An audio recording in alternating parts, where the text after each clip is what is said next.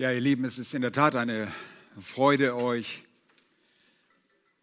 zu diesen Worten, die wir gesungen haben, auch jetzt die Handlung noch einmal im Detail vor Augen zu malen. Wenn der Herr Jesus Christus sich bereitwillig nicht nur gefangen nehmen lässt, sondern auch in einem illegalen Prozess schlecht behandeln lässt, wenn er gezielt und unaufhaltsam auf das Kreuz zugeht, um dich und mich zu erretten, die wir glauben. Das ist die Liebe, die er uns erwiesen hat. Und darüber wollen wir uns freuen.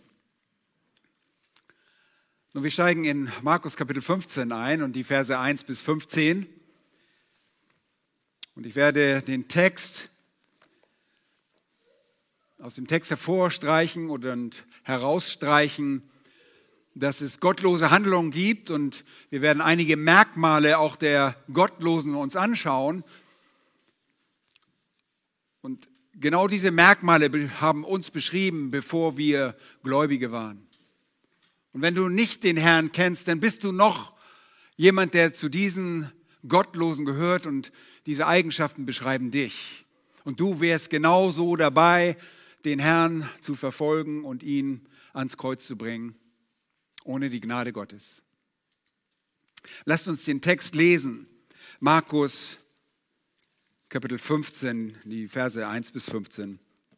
Und gleich in der Frühe fassten die obersten Priester mit den Ältesten und Schriftgelehrten und dem ganzen Hohen Rat einen Beschluss und führten Jesus gebunden hin und lieferten ihn dem Pilatus aus. Und Pilatus fragte ihn, bist du der König der Juden? Er beantwortete und sprach zu ihm, du sagst es.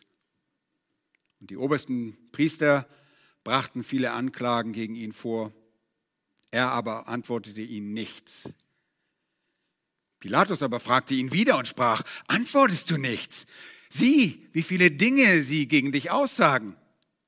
Jesus aber antwortete nichts mehr, sodass sich Pilatus verwunderte. Vers 6. Aber anlässlich des Festes pflegte er ihnen einen Gefangenen freizugeben, welchen sie wollten. Es lag aber ein gewisser Barabbas gefangen, samt den Mitaufrührern, die im Aufruhr einen Mord begangen hatten.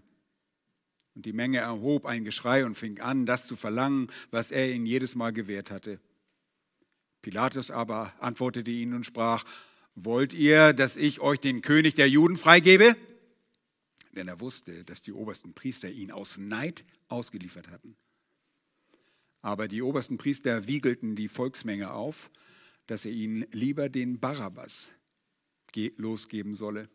Und Pilatus antwortete und sprach wiederum zu ihnen, was wollt ihr nun, dass ich mit dem tue, den ihr König der Juden nennt? Sie aber schrien wiederum, kreuzige ihn! Und Pilatus sprach zu ihnen, was hat er denn Böses getan? Da schrien sie noch viel mehr, kreuzige ihn! Weil nun Pilatus die Menge befriedigen wollte, befrieden, befriedigen wollte, gab er ihnen den Barabbas frei und übergab Jesus, nachdem er ihn hatte auspeitschen lassen, damit er gekreuzigt werde. Soweit der Text. Lass uns doch beten.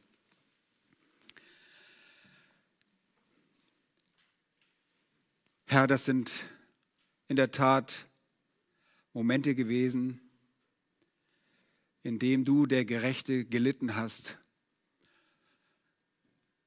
Nicht aufgrund deiner Übertretung oder Verfehlung, sondern um meiner Übertretung willen, meiner Sünde. Danke, dass du dich nicht hast aufhalten lassen, dass du alle Umstände dazu gebraucht hast, auch in einer scheinbaren Niederlage gehst du als der Sieger hervor und triumphierst. Du hast das erreicht, was du dir vorgesetzt hast und hast all diese Umstände gebraucht, um deine Ziele zu erreichen. Dafür danken wir dir von Herzen. Danke, dass wir das glauben dürfen, dass du uns diesen Glauben erweckt hast und geschenkt hast. Danke für dieses wunderbare Geschenk. Hilf uns, dass wir dieses Geschenk als solche, die wir dich schon kennen, nicht vergeblich empfangen haben, sondern dass wir aus großer Dankbarkeit und der Gegenliebe, die wir jetzt auch haben, dass wir diese Gegenliebe nutzen, um unser Leben für dich einzusetzen, mit ganzer Hingabe, um deines Namens willen. Sprich du jetzt zu unseren Herzen, damit wir lernen, damit wir mehr erkennen von dem, was du getan hast, um deines Namens willen. Amen. Den Titel für diese Botschaft, der sich aus diesem Text ergibt, vom ersten zum zweiten Justizskandal, Jesu Durchlauf bei Pilatus, ist, drückt lange nicht das aus, was hier wirklich geschieht. Ich habe echt gerungen und ich wusste nicht, wie mache ich das eigentlich. Aber es gibt zumindest das wieder, was dort geschieht. Und bereits in der Passage in Markus 14, ihr erinnert euch, in den Versen 53 bis 65 haben wir beobachten können, wie Jesus nach der Auslieferung des Judas an die Juden, beziehungsweise die Auslieferung an den Hohen Rat in einem Prozess der Verurteilung gerät. Fügsam, wie schon zuvor bei seiner Festnahme, dem Verrat selbst, ist Jesus willig, diese ihm unangemessene Behandlung zu erdulden. Und wie wir selbst festgestellt haben, hat er uns letztlich damit gedient. Und wir erinnern uns natürlich auch an das Thema, das Markus verfolgt, dass Jesus nicht gekommen ist, um sich bedienen zu lassen, sondern sein Leben zu geben, selbst zu dienen und sein Leben zu geben als Lösegeld für viele. Wir, die wir hier sind, dürfen das sagen. Der Herr Jesus ist unser Lösegeld. Er hat uns freigekauft. Nun, wie hat uns gedient? Lassen wir die Dinge doch noch einmal kurz an unserem geistigen Auge Revue passieren. Dort mitten in der Nacht lässt Jesus sich von der bedauernswertesten Person dieser Welt verraten. Er ist bereit, sich von den Juden und ihrem Aufgebot in der Mitte der Nacht zu einem illegalen Gerichtsprozess abführen zu lassen. Er lässt seinen geliebten Jünger Petrus folgen und auch Johannes war dabei und steht im Hof des Hannas beziehungsweise des Kaiphas, des Kaiphas, der hohe Priester, die den, äh, der den, äh, beziehungsweise die beiden hohen Priester, die den Prozess anführen und Jesus lässt dabei falsche Zeugen gegen sich auftreten. Er lässt die törichten Ankläger in ihrer ihnen typischen und charakteristischen Nahheit verharren, haben wir gesehen. Er lässt die jüdischen Richter dennoch erneut wissen, wer er wirklich ist. Und er gibt seinen Feinden sogar Einblick in seinen kommenden Triumph. Er lässt sich willig misshandeln. Und dort heißt es in Vers 65, und etliche fingen an, ihn anzuspucken und sein Angesicht zu verhüllen und ihn mit Fäusten zu schlagen und ihm zu sagen, Weissage. Und die Diener schlugen ihn ins Angesicht. Wie dankbar können wir für diesen demütigen Dienst unseres Herrn sein, der so in vollkommener Ergebenheit zum Vater auf dem Weg zu dem größten Sieg, den es überhaupt in der Menschheit Geschichte kommt, ist und diese Erlösung von Sündern erwirkt. Das ist der größte Sieg. Und er kam, um sein Leben zu geben, wie ich sagte, als Lösegeld für viele, für dich und mich und alle, die im Glauben äh, stehen und ihm Glauben schenken und nachfolgen sollen. Nun sagte ich euch, dass es in seiner Verhandlung vor dem jüdischen Hohen Rat insgesamt drei Vernehmungen äh, gab. Die erste davon war vor Hannas, die zweite Vernehmung vor dem Hohen Rat unter dem Vorsitz von Kaiphas. Das war die, diese nächtliche Vernehmung. Und jetzt kommen wir zu der frühmorgendlichen Verhandlung, dem Beschluss, bei der das offizielle und endgültige jüdische Urteil bekannt wird. Das ist der erste Punkt. Aufgrund des jüdischen Beschlusses wird Jesus ausgeliefert. Aufgrund des jüdischen Beschlusses ausgeliefert. Und der erste Punkt in diesem Text, den wir uns ansehen wollen, ist die Auslieferung Jesu an die zivile, die römische Obrigkeit. Und diese findet aufgrund ihres frühmorgendlichen Beschlusses statt. Diese Auslieferung aufgrund des jüdischen Beschlusses findet sie statt. Dieser Akt der Verhandlungen war für sie von Bedeutung. In, da, in der Hinsicht, dass sie glaubten, offenbar damit dem Vorgehen dass sie angefangen hatten, in der Nacht eine gewisse Legitimität zu verleihen. Es war für sie der mutmaßlich angemessene Zeitpunkt, der erste Unterpunkt, der mutmaßliche Zeitpunkt, angemessene Zeitpunkt für die Entscheidung, Jesus auszuliefern. Sie nehmen an, und ich erkläre das gleich, deshalb habe ich den ersten Punkt auch so betitelt, der mutmaßlich angemessene Zeitpunkt des Beschlusses. Nochmals, der gesamte Prozess, den die Juden in der Nacht illegal anzettelten, war eine Farce. Sie suchten nach Gründen, um Jesus umzubringen und versammelten sich und tagten gemäß ihrer eigenen Vorschriften unrechtmäßig und versuchten ihrer gesamten Vorgehensweise dennoch einen legitimen Anstrich zu geben. Wohl wissend, dass ein nächtlicher Gerichtsprozess des Sanhedrins keine Legalität besaß, veranlassen sie in den frühen Morgenstunden, und das ist dann nach dem Sonnenaufgang, so wird es beschrieben, eine morgendliche Sitzung und kommen auch schnell zur Sache. Das ist der Grund. Sie denken, somit können wir dem eine Legitimität geben, eine Legalität auch. Die Verurteilung stand allerdings schon fest und zwar bevor sie dem Herrn einen ordentlichen und unparteiischen Gerichtsprozess anboten. Den gab es nicht.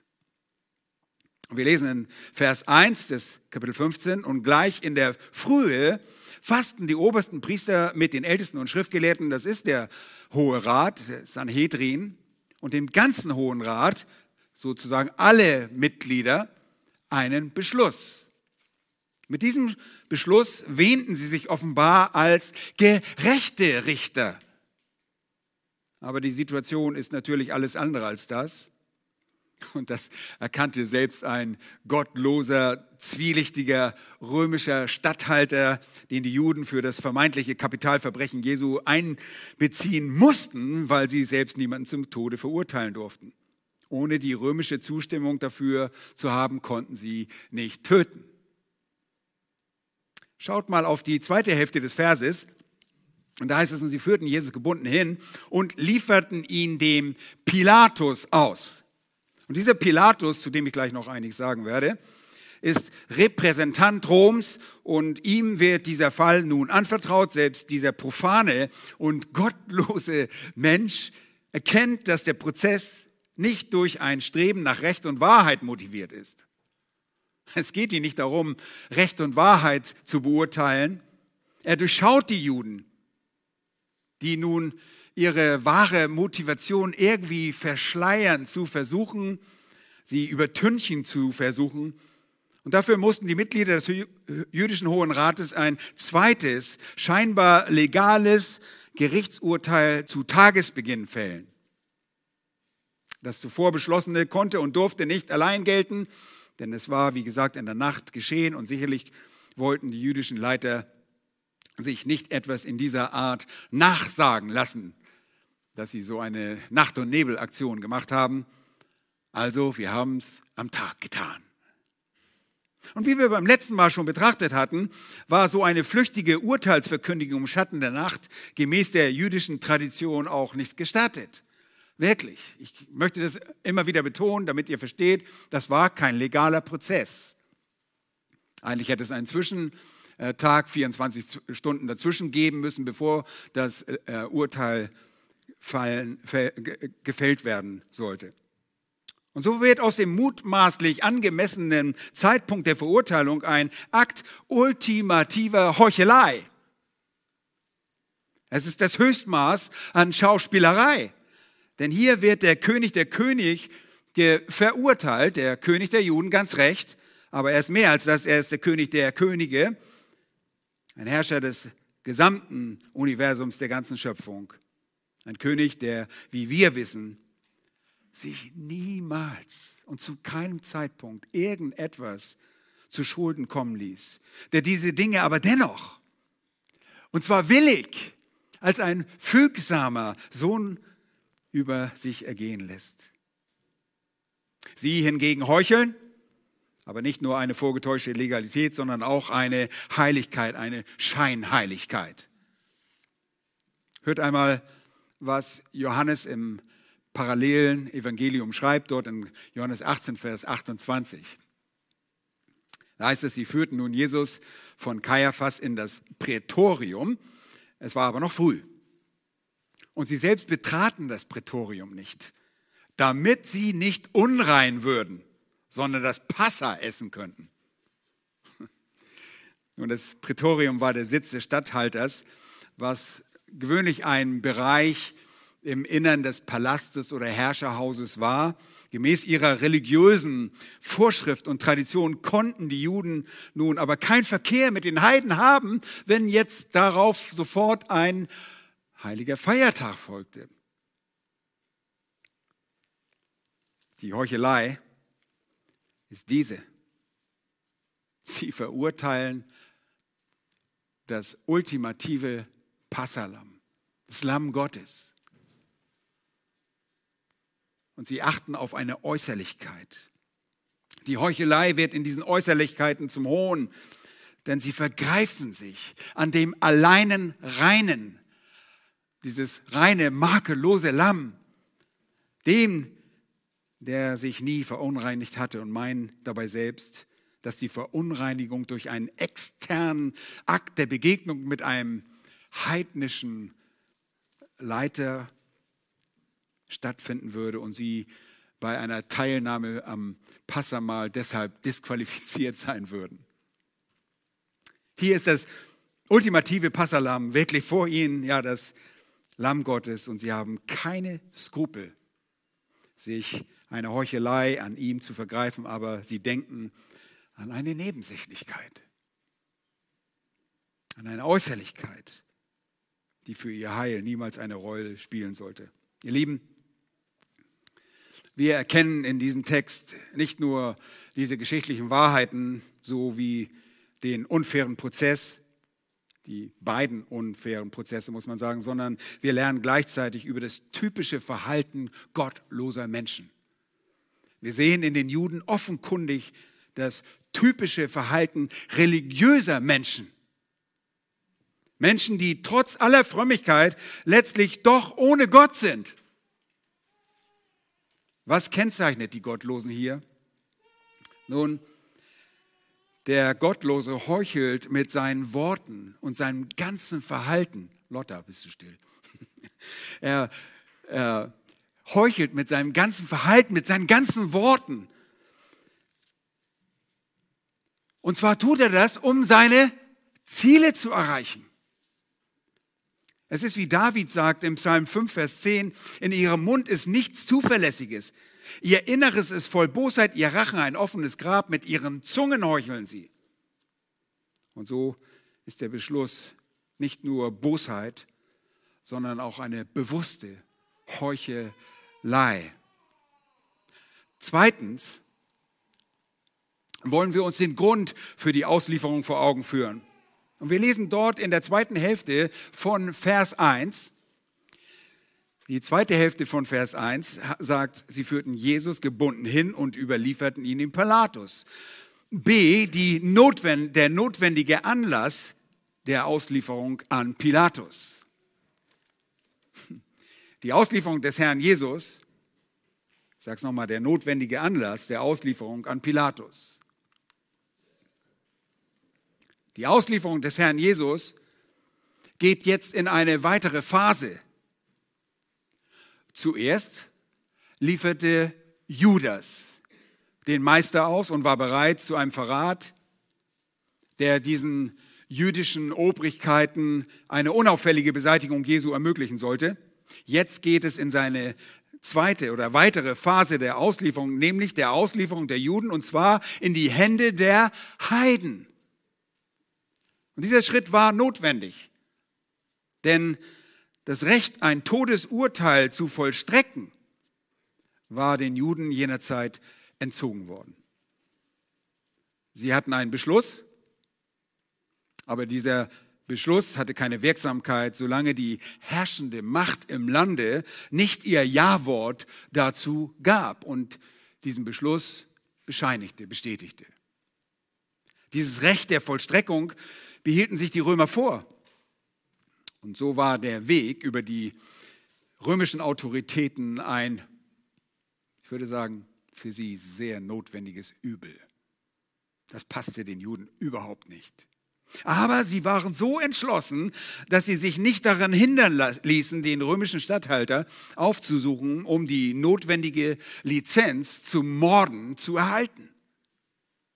Die ganze Vorgehensweise störte die Juden sehr und immer mehr.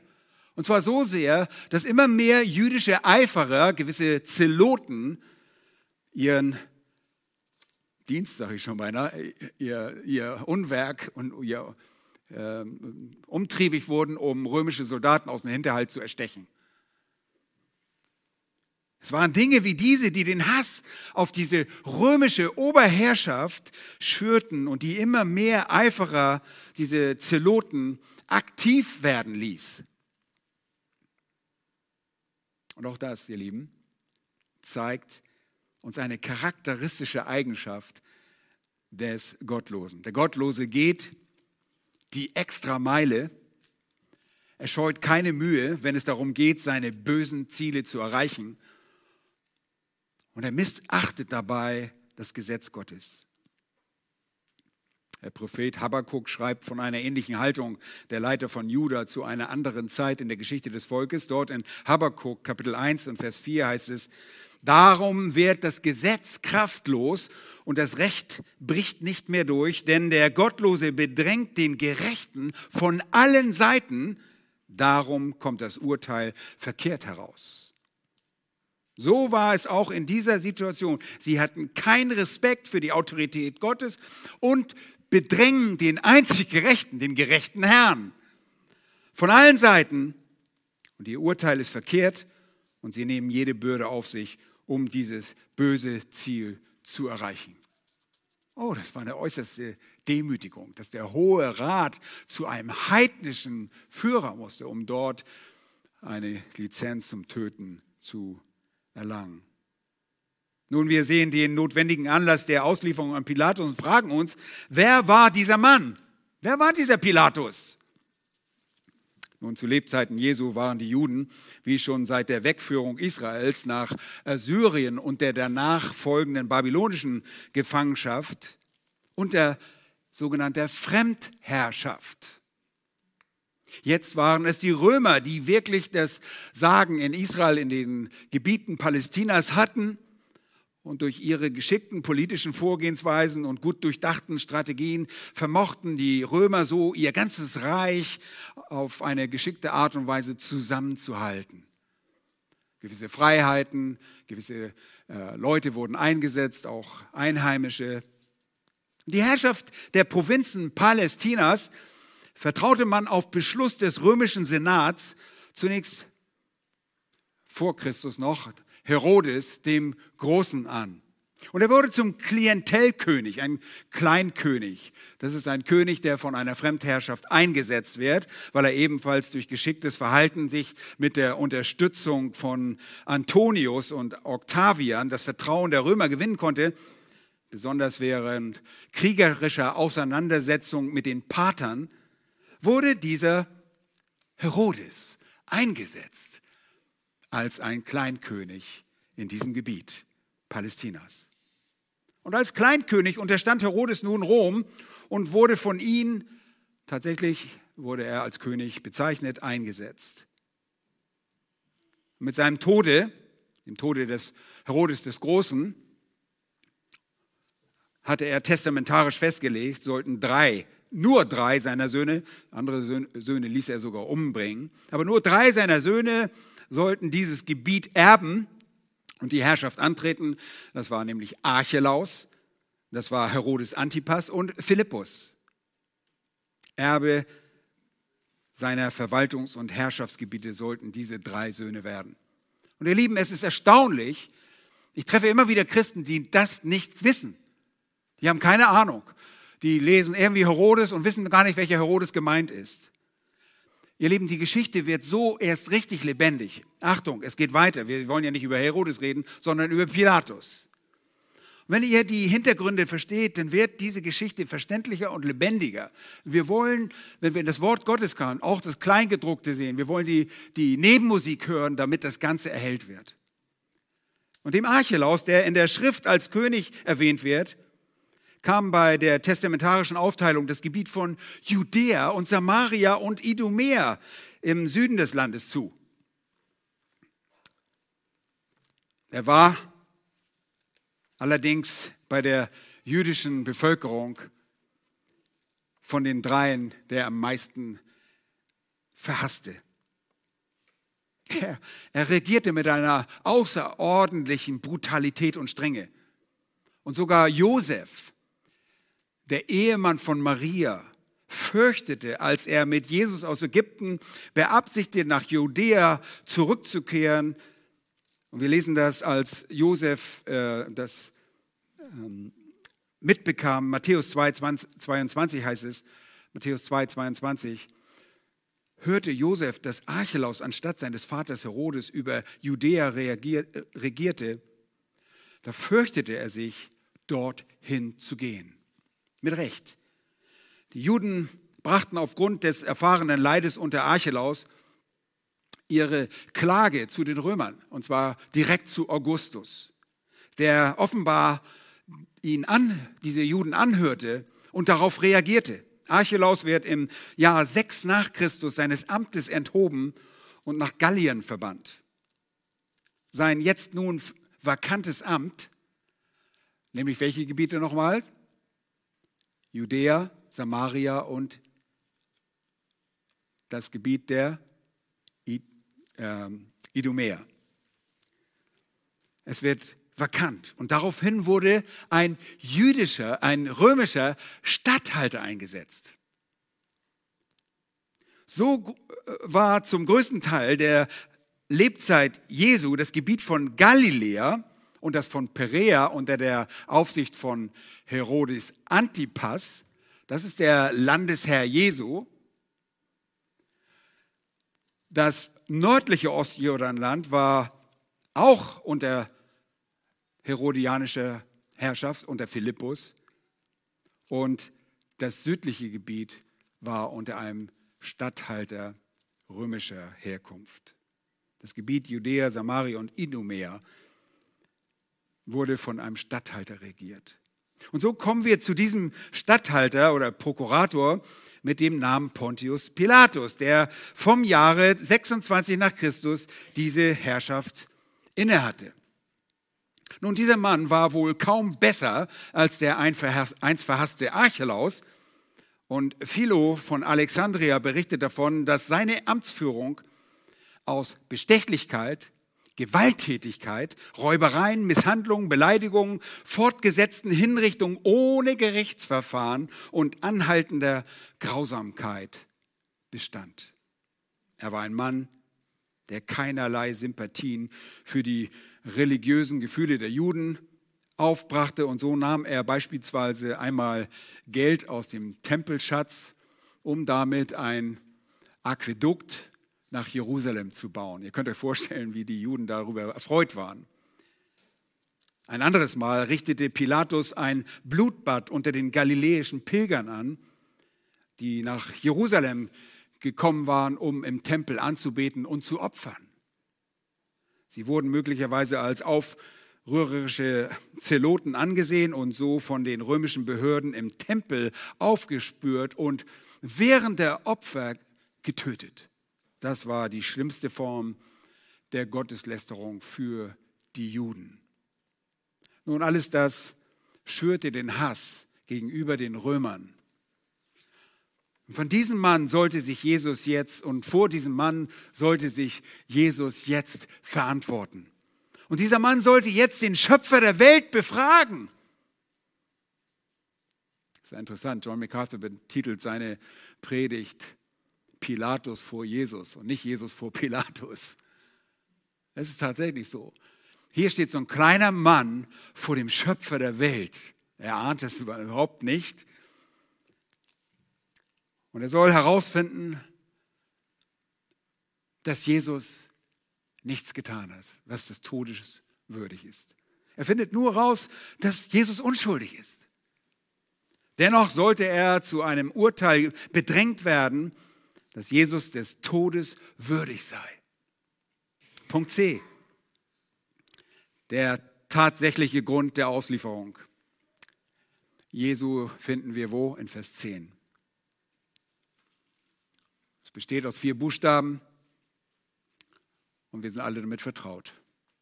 Neid. Es ist Neid. Wie wir Vers 10 beobachten und er selbst Interessant. Der so skrupellose, unsensible Pilatus hatte keine Mühe, diesen Neid des Hohen Rates zu entdecken. Er blickt da durch. Neid. Ist das ein ausreichendes Motiv, um einen Menschen zu verurteilen? Natürlich nicht. Und es ist schon gar nicht ein Grund, den völlig gerechten Sohn Gottes an die Heiden auszuliefern, damit sie der Tötung zustimmen würden. Nun, die jüdischen Leiter wurden von einer eifernden, wirklich eifernden Sucht angetrieben. Eifersucht, Neid, sodass die obersten Priester das ganze Volk aufwiegelten. Das ist die Ursache von Neid, Aufwiegelung des Volkes. Und wie Jesus lehrte, so ist es auch hier in dieser vermeintlich religiösen Elite zu erkennen, von innen aus dem Herzen des Menschen kommen die bösen Gedanken hervor, Ehebruch, Unzucht, Mord. Sie sind im Begriff zu morden. Diebstahl, Geiz, Bosheit, Betrug, Zügellosigkeit, Neid, Lästerung, Hochmut, Unvernunft. Das hatte uns Markus in Kapitel 7 gezeigt, beziehungsweise der Herr Jesus Christus selbst gelehrt, Verse 21 und 22. Was lernen wir generell über die Gottlosen? Hier wird deutlich, der Gottlose handelt im Neid, um seine bösen Ziele zu erreichen. Und deshalb sei dem Gottlosen nicht gleich, wenn du ein Kind Gottes bist. Vielmehr sondere dich ab davon. Und so wird Jesus aufgrund eines jüdischen Beschlusses an die Heiden ausgeliefert. Und das musste auch so geschehen, denn Jesus hatte es so vorausgesagt. Und ich glaube, ich habe es als Wochenspruch äh, auf euer Wochenblatt gesetzt, Markus 10 und Vers 33. Und dort steht seiner Ankündigung, bei seiner dritten Leidensankündigung in Vers 33, siehe, wir ziehen hinauf, sagt er zu seinen Jüngern, nach Jerusalem und der Sohn des Menschen wird den obersten Priestern und den Schriftgelehrten ausgeliefert werden. Das ist durch Judas und sie werden ihn zum Tode verurteilen und ihn den Heiden ausliefern. Und dahin sind sie jetzt gekommen. Jesus wird aufgrund des römischen, das Drama geht weiter, der Skandal ist nicht längst nicht am Ende. Er wird jetzt den römischen Autoritäten ausgeliefert und er wird dem römischen Justizversagen preisgegeben. Punkt 2. Aufgrund des römischen Justizversagen preisgegeben. Nun, gebunden ging es vom Anwesen des hohen Priesters, beziehungsweise der hohen Priester für Jesus, also gefesselt zu Pilatus, der seine Residenz so wie auch die übrigen Statthalter in Caesarea hatte, aber zu hohen Feiertagen hatte er auch einen Wohnsitz in Jerusalem. Und wir sehen dabei die Befragung des Pilatus im Markus-Evangelium in einer Zusammenfassung, wirklich sehr gebündelt. Und aufgrund der römischen Adressaten und der damit verbundenen Kenntnisse spart sich sogar äh, Johannes Markus eine Erklärung darüber, was Pontius Pilatus für eine Autorität besaß. Das war den Römern also der primär römischen Zuhörerschaft, auch bekannt. Sie mussten nicht darüber aufgeklärt werden.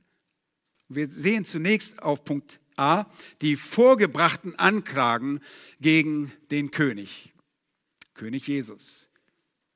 Die vorgebrachten Anklagen gegen den König. Da heißt es, und Pilatus fragte ihn, bist du der König der Juden?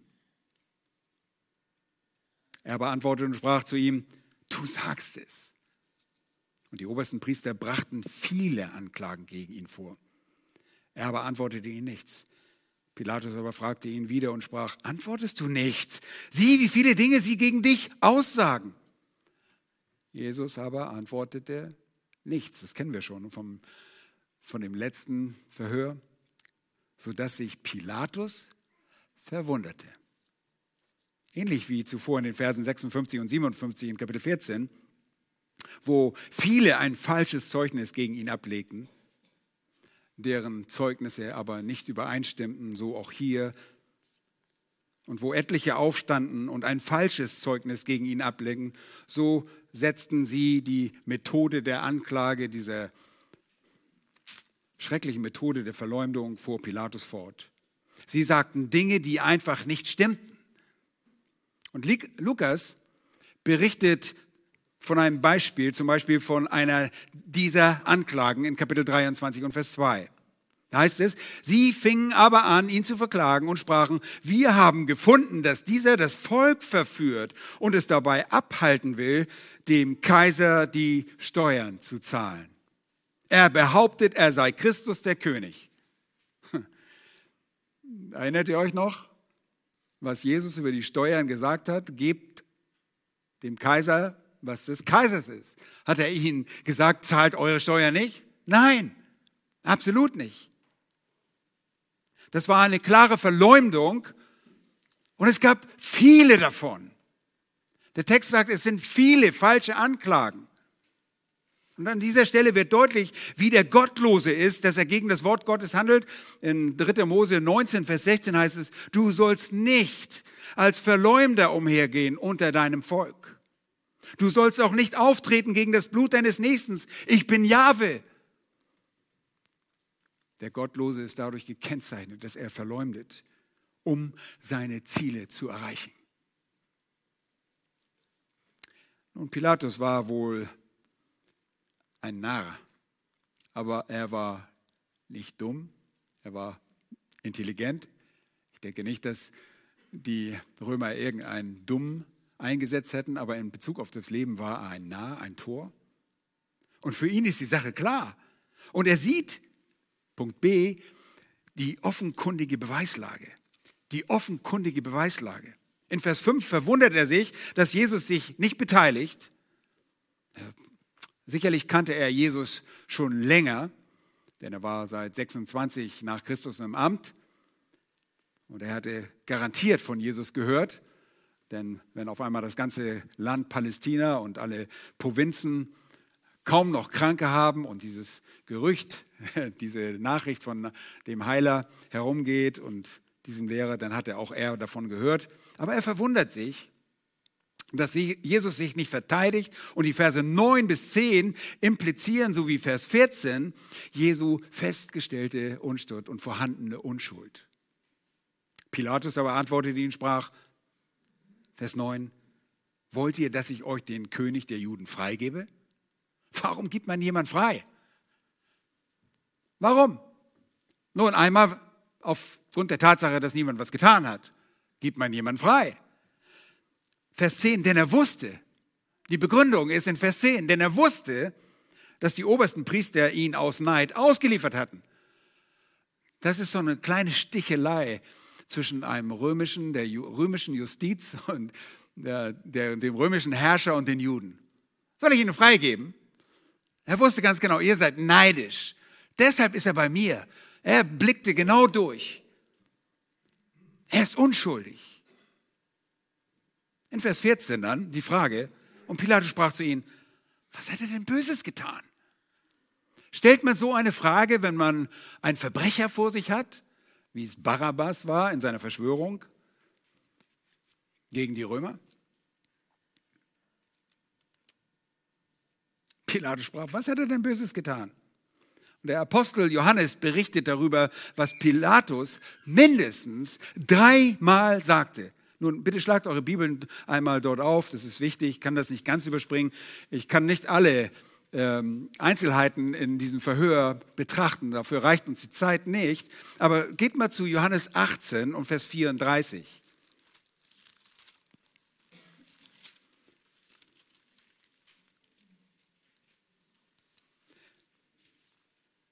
Dort kommt nach unserem Vers 2 in unserem Text seine erste Befragung und sein Urteil. Und wir lesen, Vers 33 ist das. Und nun ging Pilatus wieder in das Prätorium hinein und rief Jesus und fragte ihn, bist du der König der Juden?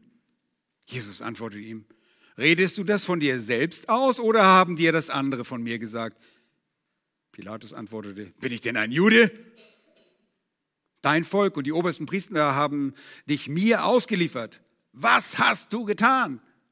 Jesus antwortete, mein Reich ist nicht von dieser Welt. Wäre mein Reich von dieser Welt, so hätten meine Diener gekämpft, damit ich den Juden nicht ausgeliefert würde. Nun aber ist mein Reich nicht von hier. Da sprach Pilatus zu ihm, so bist du also ein König. Jesus antwortete, du sagst es, ich bin ein König, ich bin dazu geboren und dazu in die Welt gekommen, dass ich der Wahrheit Zeugnis gebe. Jeder, jeder, der aus der Wahrheit ist, hört meine Stimme. Vers 38 jetzt. Pilatus spricht zu ihm, was ist Wahrheit? Und nachdem er das gesagt hatte, ging er wieder hinaus zu den Juden und sprach zu ihnen, ich finde keine Schuld an ihm. An dieser Aussage hatten die Juden keinen Gefallen ich finde keine Schuld an ihm, das wollten sie überhaupt nicht hören. Sie aber bestanden darauf und sprachen, er wiegelt das Volk auf, indem er in ganz Judäa lehrt, äh, lehrt angefangen in Galiläa bis hierher. Das ist Lukas 23, 5. Galiläa? Pilatus sagt, Galiläa? Das war Musik in sein Ohr. Dann ist es ja gar nicht meine Zuständigkeit. Und ihr wisst, was passiert. Ich möchte das nicht ganz ausführen, aber er sieht, oh, das ist ja gar nicht meine Verantwortung. Ich schicke ihn mal weg. Und wer ist in Galiläa? Derjenige, der Herrscher wird? Herodes Antipas, der Landesherr Jesu. Und so schickt er ihn zu Herodes Antipas. Und dort macht Jesus eigentlich gar nichts. Herodes, der Fuchs, sagte, wie Jesus ihn bezeichnete, er wollte gerne mal endlich Jesus sehen und mal ein paar Wunder sehen. Und, und Jesus bemüht sich in keiner Art und Weise, dem gerecht zu werden. Dort wird er verhöhnt und wieder zurückgeschickt. Pilatus und Herodes waren bis zu diesem Tag eigentlich Feinde, aber an dem Tag wurden sie Freunde. Das war das Schlagwort. Niemand konnte eine Schuld finden. Denn Jesus war ohne Sünde und ohne jegliches Versagen. Und nach dieser ersten Unschuldserklärung sucht Pilatus nach einem Ausweg, um Jesus freizulassen. Aber er wiederholt dann anschließend noch zwei weitere Male, dass er selbst keine Schuld an Jesus finden kann. Also es war nicht nur irgendwie mal ein Versehen. Er sagt es mindestens dreimal. Schaut kurz auf Vers 4 und dann ja, in Kapitel 19 in Johannes Evangelium, nachdem Pilatus ihn schon auf illegale Weise geiseln und misshandeln lässt. So ähnlich wie mein Vater, der sagt, wenn du das nochmal machst, dann kriegst du eine runter. Zack, hatte ich eine weg. ich habe es euch mal erzählt. Hier sagt, hier sagt Herr Pilatus, ich finde keine Schuld. Aber was macht er? Er lässt ihn geiseln. Komisch. Aber dann heißt es dort in Vers 4, er ging wieder hinaus und sprach zu ihnen, seht, ich führe ihn zu euch heraus, damit ihr erkennt, dass ich keine Schuld an ihm finde. Trotzdem beteiligt und initiiert er Spott und Hohn, nur um dann nochmals in der zweiten Hälfte von Vers 6 ein drittes Mal zu sagen, nehmt ihr ihn hin und kreuzigt ihn, denn ich finde keine Schuld an ihm. Nun, er ist offenbar ein Feigling und wie der Gottlose ist, so ist auch er und das charakterisiert ihn. Der Gottlose ignoriert die Wahrheit um seine bösen Ziele zu erreichen. Und das war für Pilatus, sein Ziel war die Ruhe, die politische Ruhe. Der hatte Angst vor Rom. Es durfte niemals irgendein Aufruhr während des Festes geschehen. Das fürchteten nicht nur Juden, sondern auch Pilatus. Und er fürchtete, dass er seine Bequemlichkeit verliert, die er nicht wegen einem einzigen Unschuldigen aufgeben wollte. Und so gibt er ihn preis zur Kreuzigung. Aber schauen wir einmal auf den für ihn scheinbar brillanten Vorschlag, die angestrebte Option. Das ist Punkt C, die angestrebte Option. Und zwar kommt sie nach der ersten Unschuldsfeststellung in den Versen 6 bis 15. Da heißt es aber anlässlich des Festes, pflegte er ihn, einen Gefangenen freizugeben, welchen sie wollten. Ich weiß nicht, wenn man irgendwas von Blödsinn machen kann, dann ist das Blödsinn. Irgendjemanden freizugeben, wen sie wollten. Ja, dann lass mal den Kindermörder frei. Welchen sie wollten. Es lag aber ein gewisser Barabbas gefangen samt den Mitaufrührern, die im Aufruhr einen Mord begangen hatten. Hier wird ein Mörder vorgeführt. Und die Menge erhob ein Geschrei und fing an, das zu verlangen, was er ihnen jedes Mal gewährt hatte, nämlich eine Freilassung eines Verbrechers. Pilatus aber antwortete ihnen und sprach, wollt ihr, dass ich euch den König der Juden freigebe? Er hat ja schließlich nichts getan. Und er wusste nur, dass Neid Jesus dahin gebracht hatte, wo er jetzt ist. Vers 11. Aber die obersten Priester wiegelten die Volksmenge auf. Und wir fragten uns immer, wie kippt so eine Menge? Die Menge war einfach enttäuscht. Sie sehen Jesus als Gefangenen und in ihrer Vorstellung, auch in ihren verkehrten Vorstellungen, glaubten sie, dass Jesus kommen würde und er wird die Römer einfach platt machen. Jetzt ist er hier, dieser scheinbare Verlierer, dieser Schwächling, der sich nicht mal äußert, und in Zusammenarbeit mit diesen neidischen Hohenrat wiegeln, die das Volk aufwiegeln, werden sie alle schreien, kreuzige ihn. Die Oberpriester wiegelten die Volksmenge auf, dass er ihnen lieber den Barabbas geben sollte, solle. Und Pilatus antwortete und sprach wiederum zu ihnen, was wollt ihr nun, dass ich mit dem tue, den ihr König der Juden nennt? Sie aber schrien wiederum, kreuzige ihn diese hässliche Verurteilung am Kreuz. Die Römer hatten Tausende getötet, an, öffentlich an die Wege, die Hauptverkehrswege, um sie darzustellen und sie alle anderen Aufrührer und Aufrührenden zu warnen und die Getöteten zu verspotten. Und Pilatus sprach zu ihnen, was hat er denn Böses getan? Fällt euch das auf? Fällt euch auf, dass es da nichts gibt? Da schrien sie noch mehr. Stellt dir vor, ihr wollt jemanden beseitigen und ihr denkt, der muss weg. Und euer Gegenüber sagt immer, was hat er denn getan? Der hat doch gar nichts getan. Ich finde keine Unschuld, ich finde keine Unschuld, ich finde keine Unschuld. Und so muss hier ein Mob, muss hier eine Volksmenge aufgewiegelt werden. Und das ist gar nicht so schwer. Wir sehen das in der Schrift auch an anderen Orten in Ephesus, dass Leute schreien, ohne dass sie sogar wissen, worum sie schreien. Ja.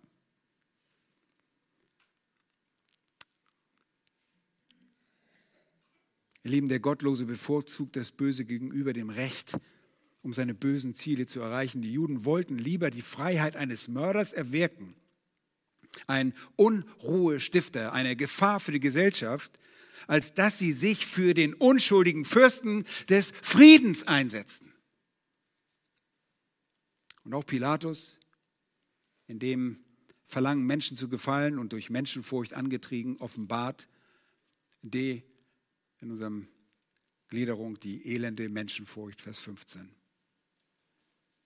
Weil nun Pilatus die Menge befriedigen wollte, gab er ihnen den Barabbas frei und übergab Jesus, nachdem er ihn hatte auspeitschen lassen, damit er gekreuzigt werde.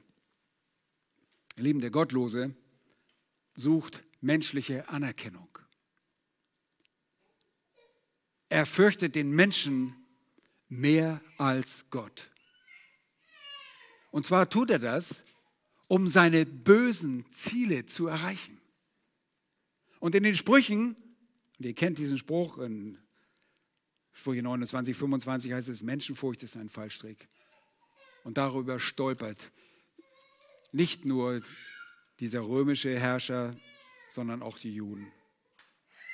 Und der Menschenauflauf musste Pilatus in Furcht versetzt haben, denn wir beobachten im Johannesevangelium eine Bemerkung dort, eine Steigerung seiner Furcht. Äh, da heißt es in Kapitel 19, Vers 7, auf die, als die Juden in 19.7 auf die Unschuldserklärung des Herrn antworteten, da sagt er, wir haben ein Gesetz, sagen sie, und nach unserem Gesetz muss er sterben, weil er sich selbst zu Gottes Sohn gemacht hat. Und dann lesen wir Vers 8. Als Pilatus dieses Wort hörte, fürchtete er sich noch mehr. Pilatus ist hin und her gerissen und kehrt immer wieder zu Jesus zurück und fragt ihn in Johannes 19,9, woher bist du? Aber Jesus gab ihm keine Antwort. Da spricht Pilatus zu ihm, redest du nicht mit mir? Weißt du nicht, dass ich Vollmacht habe, dich zu kreuzigen und Vollmacht habe, dich freizulassen? Jesus antwortete, du hättest gar keine Vollmacht über mich, wenn sie dir nicht von oben her gegeben wäre. Darum hat der, welcher mich dir ausliefert, größere Schuld. Und hört einmal hin, von da an suchte Pilatus, ihn freizugeben. Er versuchte ihn sogar freizugeben. Aber letztlich überkommt ihn die Furcht. Er fürchtet noch mehr. Und die Juden mussten eine weitere Strategie ausbauen. Sie ahnten Böses und sie schrien in Vers 12 und sprachen, wenn du diesen freilässt, so bist du kein Freund des Kaisers. Oh oh. Krieg noch Ärger mit dem Kaiser? Das wollte ich auch nicht. Denn wer sich selbst zum König macht, der stellt sich gegen den Kaiser. Hm. Das brachte das Fass der Furcht zum Überfließen. Als nun Pilatus dieses Wort hörte, führte er Jesus hinaus und setzte sich auf den Richterstuhl an der Stätte, die Steinpflaster genannt wird, auf Hebräisch Gabata. Und sein offizielles Urteil wird gefällt und drückt sich in seinem Handeln aus und damit Pilatus ja nicht auf dumme Ideen kommen würde, setzten sie fort mit dem Schreien in Vers 15, fort mit ihm, fort mit ihm, kreuzige ihn. Pilatus spricht zu ihnen, euer König, euren König soll ich kreuzigen? Die obersten Priester antworteten, wir haben keinen König als nur den Kaiser. Und mit diesen Worten setzt sich ihre Heuchelei fort, denn dem Kaiser waren sie garantiert ganz und gar nicht freundlich gesinnt. Dem waren sie nicht ergeben. Aber diese Worte der Heuchelei machten sie halt, äh, diese machten sich halt sehr gut bei einem römischen Prokurator. Und das wirkte auch auf Pilatus. Vers 16, da übergab er ihn, Jesus, damit er gekreuzigt werde. Sie nahmen aber Jesus und führten ihn weg. Lieben, warum habe ich euch immer wieder das Bild eines Sünders zwischendurch gezeigt? Weil das bist du, wenn du Christus nicht kennst. Das bist genau du. Du handelst genau so. In den richtigen Umständen, unter den richtigen Bedingungen bist du genau der, diese Person. Und die gute Nachricht ist, unser Herr Jesus Christus unterscheidet sich völlig von diesen Sündern. Absolut hebt er sich ab. Seine Einzigartigkeit kommt zum Tragen. Wir sehen einen so klaren Kontrast zwischen dem Gottlosen und dem, was der Sohn Gottes in seinem Dienst tat. Was tat er? Und worin erwies er sich heilig? Nun, im Gegensatz zu den Gottlosen nutzte Jesus, der Sohn Gottes, alle Ereignisse, und alle Umstände, in die er geraten, äh, geriet, bis und einschließlich seinem Leid, um souverän seine Ziele zu erreichen. Er nutzt diese Dinge. Und er nutzt diese Dinge, um Sünder wie diese Menschen dort zu erretten. Wie dich und mich. Das tut er aus Liebe. Das geschah immer in völliger Unterordnung, im Gehorsam dem Vater gegenüber, weil er dich und mich liebt und schon damals geliebt hat. Und manchmal denkt vielleicht jemand von sich selbst, ich bin viel zu schlecht. Eben diese Menschen, die hier Jesus auf dem Gewissen haben, die Werkzeuge des Satans geworden sind, das ist das ultimative Vergehen. Und dennoch lesen wir später, dass Priester zum Glauben kommen. Apostelgeschichte berichtet davon, dass ein Pharisäer, der gegen die Gemeinde Gottes schnaubte und sie verfolgte, zum lebendigen Glauben kommt. Ein Mörder wird begnadigt. Wenn du hier bist und denkst, ja, ich bin so, ich bin ein Heuchler, ich habe Menschenfurcht, ich benutze all diese Dinge für meine eigenen bösen Ziele, ist es die Zeit, heute Buße zu tun. Denn dafür geht Jesus durch diese Dinge hindurch. Deshalb kommt es vom, vom einen zum anderen Justizskandal, ohne dass Jesus aufmüpfig wird.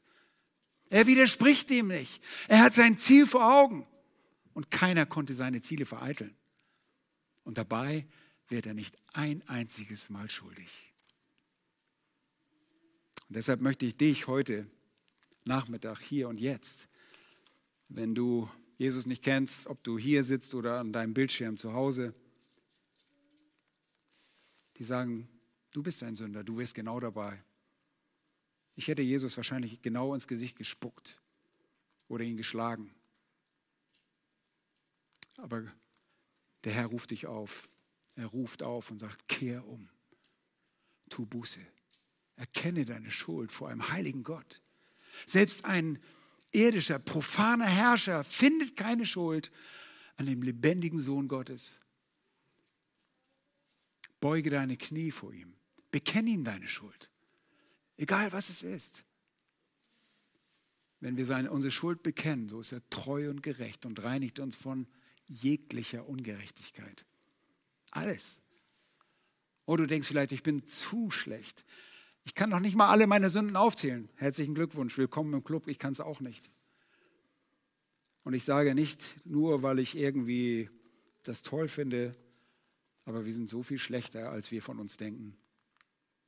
Wir sind so viel sündiger, weil wir die Heiligkeit Gottes nicht verstehen als Sünder. Und selbst als Kind Gottes, wenn du mehr und mehr in der Erkenntnis seines Willens und seine Heiligkeit wächst, wird dir die Sünde immer mehr bewusst und du denkst, du kommst gar nicht voran, ich komme gar nicht voran. Nun, das mag so sein, aber dafür ist Jesus gestorben, damit du vorankommst und wir kommen voran, sonst hättest du diese Erkenntnis nicht. Sündenerkenntnis ist immer nötig. Und wenn wir gleich das Mahl des Herrn feiern, dann haben wir wirklich als Kinder Gottes so viel Freude, so viel Grund zur Freude wie wir gesungen haben, Halleluja, wir haben das gesagt, unsere Schuld ist ausgelöscht. Die ist weg. Ich weiß, einige von euch, ihr würdet richtige Gänsehaut bekommen, wenn ihr an alle eure Sünden denken würdet. Wir wissen, wie manchmal uns eine einzige Sünde bedrückt, aber die ganze Last der Sünder, die an ihn glauben würden, lag auf ihm, auf das wir Frieden hätten. Für solche Sünder, die geheuchelt haben, die gelogen haben, die ihn verleumdet haben. Möge der Herr das schenken, dass unser Herz dem gegenüber niemals kalt ist. Und wir, die wir Kinder Gottes sind, wir sollen uns nicht verhalten wie Gottlose. Aber wir können ja gar nicht mehr heucheln. Oh, können wir nicht mehr heucheln. Herzlichen Glückwunsch. Wir sollen nicht so wie die Heiden wandeln. Lass uns die Sünde ablegen.